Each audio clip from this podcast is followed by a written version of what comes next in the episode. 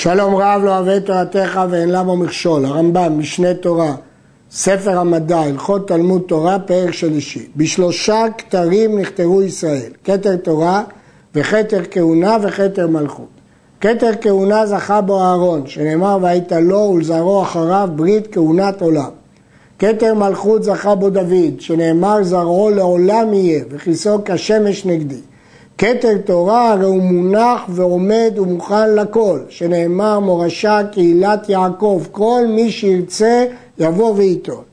שם התורה שאותן הכתרים גדולים מכתר תורה, הרי הוא אומר בי מלכים ימלוכו ורוזנים יחוקקו צדק, בי שרים יסורו, הלמדת שכתר תורה גדול מכתר כהונה וכתר מלכות. אמרו חכמים, ממזר תלמיד חכמים קודם לכהן גדול עם הארץ, שנאמר יקרה היא מפנינים, יקרה היא מכהן גדול שנכנס לפני ולפנים. הלשון הזאת היא לשון משנה באבות, רבי שמעון אומר שלושה כתרים הם כתר תורה, כתר כהונה וכתר מלכות. וכותב הרמב"ם בפירוש המשנה שם, אלו שלוש מעלות הגדולות שניתנו לאומה. ובכן כתר כהונה זכה בארון, כתר מלכות זכה דוד, אבל כתר תורה כל מי שירצו ייטול. אין אצלנו ייחוסים של מי שיכול ללמוד ומי שלא יכול ללמוד. התורה פתוחה וכל מי שיעסוק בה לפי דרכיה, לפי חוקותיה, יזכה בכתר תורה. והכתר הזה הוא גם גדול מכתר מלכים וכתר כהונה, כי כולם באים מכוח התורה. בי מלכים ימלוך. המשנה במסכת תוריות אומרת שממזר תלמיד חכמים קודם לכהן גדול עם הארץ, שנאמר יקרה היא מפנינים, התורה יקרה מכהן גדול שמשמש לפני ולפנים, פנינים. ייתכן שמקור הדרשה, כי בפסוק זה כתוב בכתיב פנאים, לא פנינים אלא פנאים, פנאי בפנים, לפני, לפני ולפנים, אפילו אלה שבכהן גדול, בבית קודשי הקודשים, תלמוד תורה גדול ממנו. אין לך מצווה בכל המצוות כולם, שהיא שקולה כנגד תלמוד תורה. אלא תלמוד תורה כנגד כל המצוות כולם. משנה במסכת פאה, ותלמוד תורה כנגד כולם. ומסביר הרמב"ם, כי בתלמוד תורה ידע האדם את כל זה, שהתלמוד מביא לידי מעשה. לפיכך התלמוד קודם למעשה בכל מקום. אומר הרמב"ם, למה התלמוד תורה כנגד כל המצוות כולם? כי התלמוד מביא לידי מעשה, הוא לא יוכל לעשות מצוות אם הוא לא ילמד תורה. היה לפניו עשיית מצווה ותלמוד תורה, אם אפשר למצווה להיעשות על ידי אחרים, לא יפסיק תלמודו.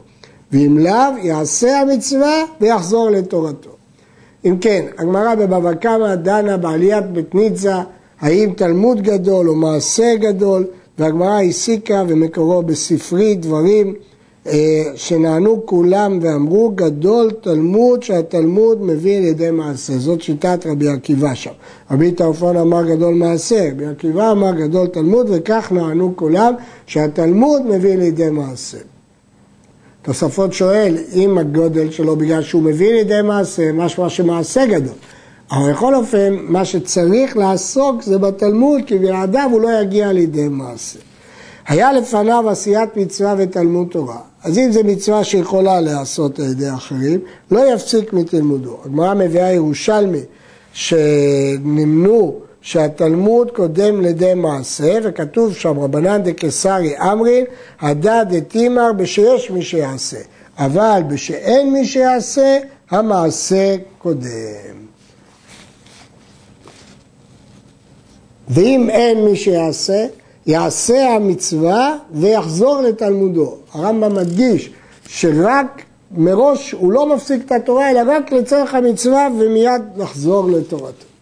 תחילת דינו של אדם אינו נידון אלא על התלמוד, ואחר כך על שאר מעשיו. לפיכך אמרו חכמים, לעולם יעסוק אדם בתורה אפילו שלא לשמה, שמתוך שלא לשמה בא לשמה. הגמרא במסכת קידושין אומרת, כשם שהלימוד קודם למעשה, כך דינו קודם למעשה.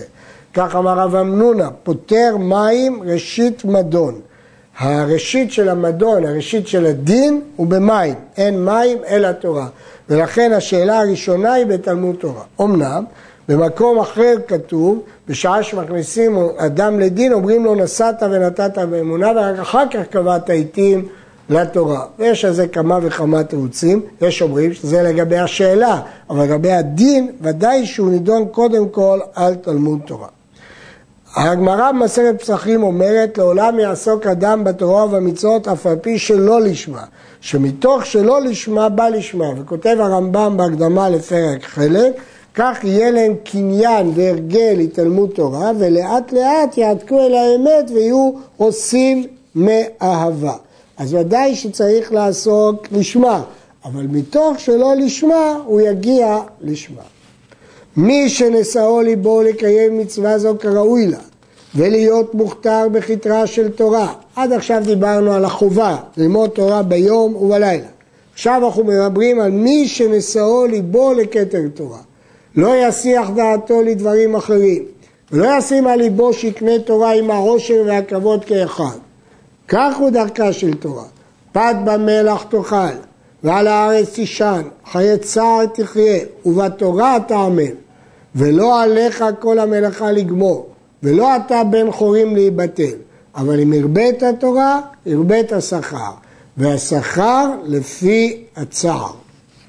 הרמב"ם מתרגם לפום צערה אגרה, השכר לפי הצער. כלומר, המאמץ, הטרחה, היגיעה, לפי זה השכר. אם אדם יכול להתייגע יותר והוא לא מתייגע, הוא לא מגיע לשיא כוחו בלימוד התורה. ולכן לא יהיה לו את כל התורה, כי הוא לא יתאמץ מספיק. השכר הוא לפי הצער. ולא יסיח דעתו, אל יחשוב שאפשר להגיע בדרכים אחרות. מעניין שהרמב"ם כתב פת במלח תאכל ועל הארץ תישן והשמיט ומים במשורה תשתה. יש, אמרו שהרמב"ם לא גרס את הדבר הזה. הרמב"ם אה, במקומות אחרים מוסיף שדווקא הלימוד תורה מתוך צער הוא זה שמתקיים. שמא תאמר, עד שאקבץ ממון ואחזור ואקרא, עד שאקנה מה שאני צריך ואפנה מעסקיי ואחזור ואקרא. אם תעלה מחשבה זו על לבך, אין אתה זוכה לכתרה של תורה לעולם. אלא עשה את תורתך קבע ומלאכתך ערי. ואל תאמר לכשאפנה אשנה, שמא לא תיפנה. אל תאמר אני אשנה כשיהיה לי פנאי, מי יודע אם יהיה לך פנאי. ולכן אסור לך לדחות את הלימוד תורה. עשה תלמוד תורה עיקר. הרמב"ם כותב בפירוש המשנה, עשה תלמוד תורה עיקר, כל מה שזולתו מעסקיך בא אחריו. אם יזדמן, יזדמן. ואם לא יזדמן, אין נזק בהחמצתו. ולא יאמר כשאפנה אפנה, זה לשון המשנה, שמא לא תיפנה. כתוב בתורה לא בשמיים היא, ולא מעבר לים היא, לא בשמיים היא, לא בגסי הרוח היא מצויה. זה דברי הגמרא בעירובין בשם אה, רבי יוחנן, שם כתוב לא בסחרנים ולא בתגרנים. רבי יוחנן אומר לא תימצא בגסי הרוח. ולא מעבר לימי, לא במהלכם מעבר לימי. לפיכך אמרו חכמים, לא כל המרבה סחורה מחכים. ועוד ציוו, הווה מעט עסק ועסוק בתורה. יש גורסים ממעט בעסק ועסוק בתורה. וראינו בדוגמה של הרמב"ם שב-12 שעות של היום, שלוש שעות יעסוק בעסק ותשע בתורה.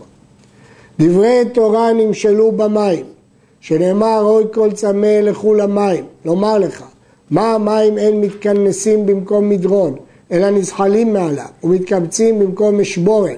כך דברי תורה אינם נמצאים בגסי הרוח, ולא בלב כל גבה לב, אלא בדכא ושפל רוח, שמתאבק בעפר רגלי החכמים, ומסיר התאוות ותענוגי הזמן מליבו, ועושה מלאכה בכל יום מעט כדי חייו אם לא היה לו מה יאכל. ושאר יומו ולילו עוסק בתורה.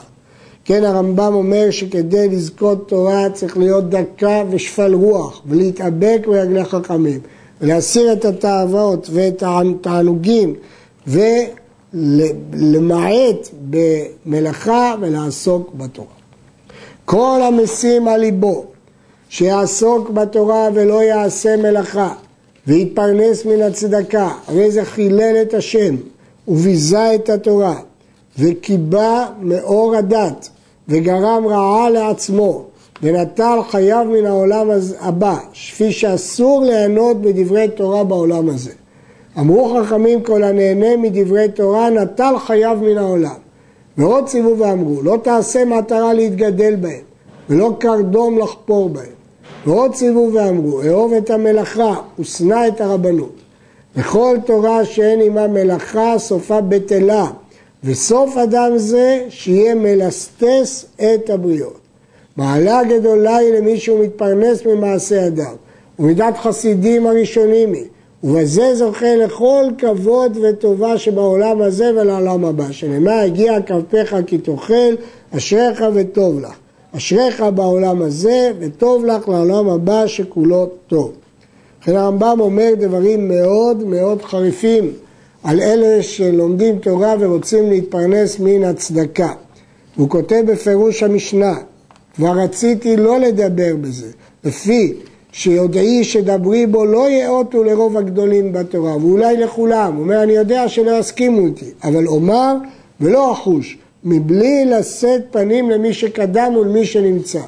דע, כי זה אמר אל תעשה בתורה קרדום לחפור בה, אל תחשביה כלי לפרנסה.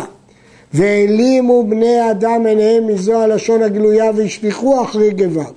ונתלו בפשטי מאמרים שלא הביאו, הבינו, והטילו להם חוקים על היחידים ועל הקהילות לפרנס את לומדי התורה, והביאו בני אדם לסבור שזה צריך ומחויב וכל זה טעות, אין בתורה מה שיאמת אותו ולא רגל שישען עליה בשום פנים.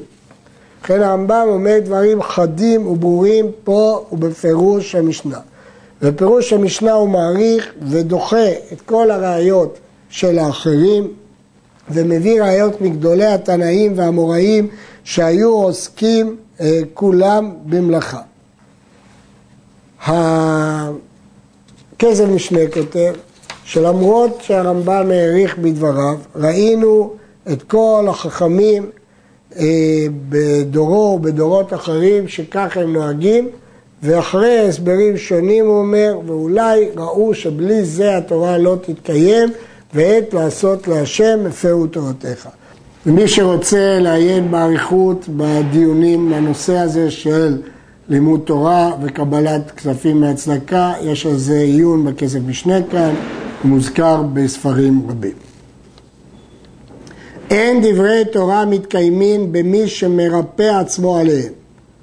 מתבטל, ולא באלו שלומדים מתוך עידון, פינוק, ומתוך אכילה ושתייה, אלא במי שממית עצמו עליהם ומצער גופו תמיד, ולא ייתן שנת לעיניו לעפעפיו תנומה. אמרו חכמים דרך רמז, זאת התורה, אדם כי ימות באוהל. אין התורה מתקיימת אלא במי שממית עצמו בעולי החוכמה. וכך אמר שלמה בחוכמתו, התרפית ביום צרה, צר כוחך. ועוד אמר, אף חוכמתי עמדה לי, חוכמה שלמדתי באף עמדה לי. אמרו חכמים, ברית כרותה, שכל היגיע בתלמודו בבית הכנסת לא במהרה הוא משכח, כל היגיע בתלמודו בצנעה מחכים, שנאמר ואצנועים חוכמה. כל המשמיע קולו בשעת תלמודו, תלמודו מתקיים בידו, אבל הקורא בלחש במהרה הוא שוכח. אם כן, הרמב"ם דיבר א', על מי שמרפא עצמו בדברי תורה. הגמרא בברכות, אמר רבי תווי, אמר רבי יושיע, כל המרפא עצמו בדברי תורה, אין לו כוח לעמוד ביום צרה. אמר יש לקיש מניין שאין דברי תורה מתקיימים אלא במי שממית עצמו עליה, שנאמר זאת התורה, אדם כי ימות באוהל. וכן מקורות רבים אחרים. עוד מוסיף הרמב"ם שהיגיעה צריכה להיות בבית הכנסת אה, וצריכה להיות בקול. הגמרא מספרת בעירובין שברוריה, אשתו של רבי מאיר, מצאה תלמיד שהיה גורש בלחש. בת שבה אמרה לו, לא כך כתוב ארוחה בקול ושמורה, אם ארוחה ברמח איברים משתמרת, ואם לאו אינה משתמרת. תנא, תלמיד אחד היה לרבי אליעזר שהיה שונה בלחש, לאחר שלוש שנים שכח תלמודו. ועוד מאמרה אמר לשמואל רבי יהודה שינא פתח פומיך קרי, פתח פומיך תני, כי איך דתתקיים בך ותורך חיי. פתח פיך וקרא, פתח פיך ושנה, כדי שיתקיים בך התורה תתקיים ותאריך ימיך, שנאמר כי חיים הם למוצאיהם ולכל בשרו מרפא. אל תקרא למוצאיהם אלא למוציאיהם בפה. אף על פי שמצווה ללמוד ביום ובלילה, אין אדם למד רוב חוכמתו אלא בלילה. לפיכך מי שרצה לזכות בכתר התורה ייזהר בכל לילותיו ולא יאבד אפילו אחת מהם בשינה, מאכילה ושתייה ושיחה וכיוצא בהם אלא בתלמוד תורה ודברי חוכמה. אמרו חכמים אין גאונה של התורה אלא לילה, שנאמר קום עירוני בלילה. וכל העוסק בתורה בלילה חוט של חסד נמשך עליו ביום, שנאמר יומם מצווה השם חסדו ובלילה שירו עמי תפילה לאל חיי. וכל בית שאין דברי תורה נשמעים בו בלילה, אש אוכלתו. כל זה על פי גמרות מפורשות. כדבר השם בזה, זה שלא השגיח על דברי תורה כל עיקר. זה גמרא, אה, המקור שזה בספרי, רבי נהוראי אומר, דבר השם בזה זה שלא השגיח על דברי תורה כל עיקר. וכל שאפשר לו לעסוק בתורה ואינו עוסק, או שקרא ושנה ופרש לאבלי העולם והניח תלמודו וזנחו, הרי זה בכלל בוזה דבר השם. כתוב בברייתא, שנה הוא פירש יותר מכולם.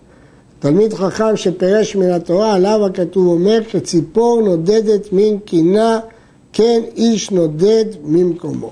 כלומר, הראשון לא השגיח בתורה כל עיקר, השני יכול ללמוד ולא למד, והשלישי קרא ושנה ובסוף פרש והזניח את התורה. אמרו חכמים, זאת משנה באבות, כל המבטל התורה מעושר סופו לבטלה מעוני. וכל המקיים את התורה מעוני סופו לקיימה מעושר, ועניין זה מפורש בתורה. הרי הוא אומר, תחת שלא עבדת את השם אלוהיך בשמחה ובטוב לבב מרוב כל, ועבדת את אויביך. ואומר, למען ענותך, למען עשותיך, להיטיבך באחריתך. עד כאן.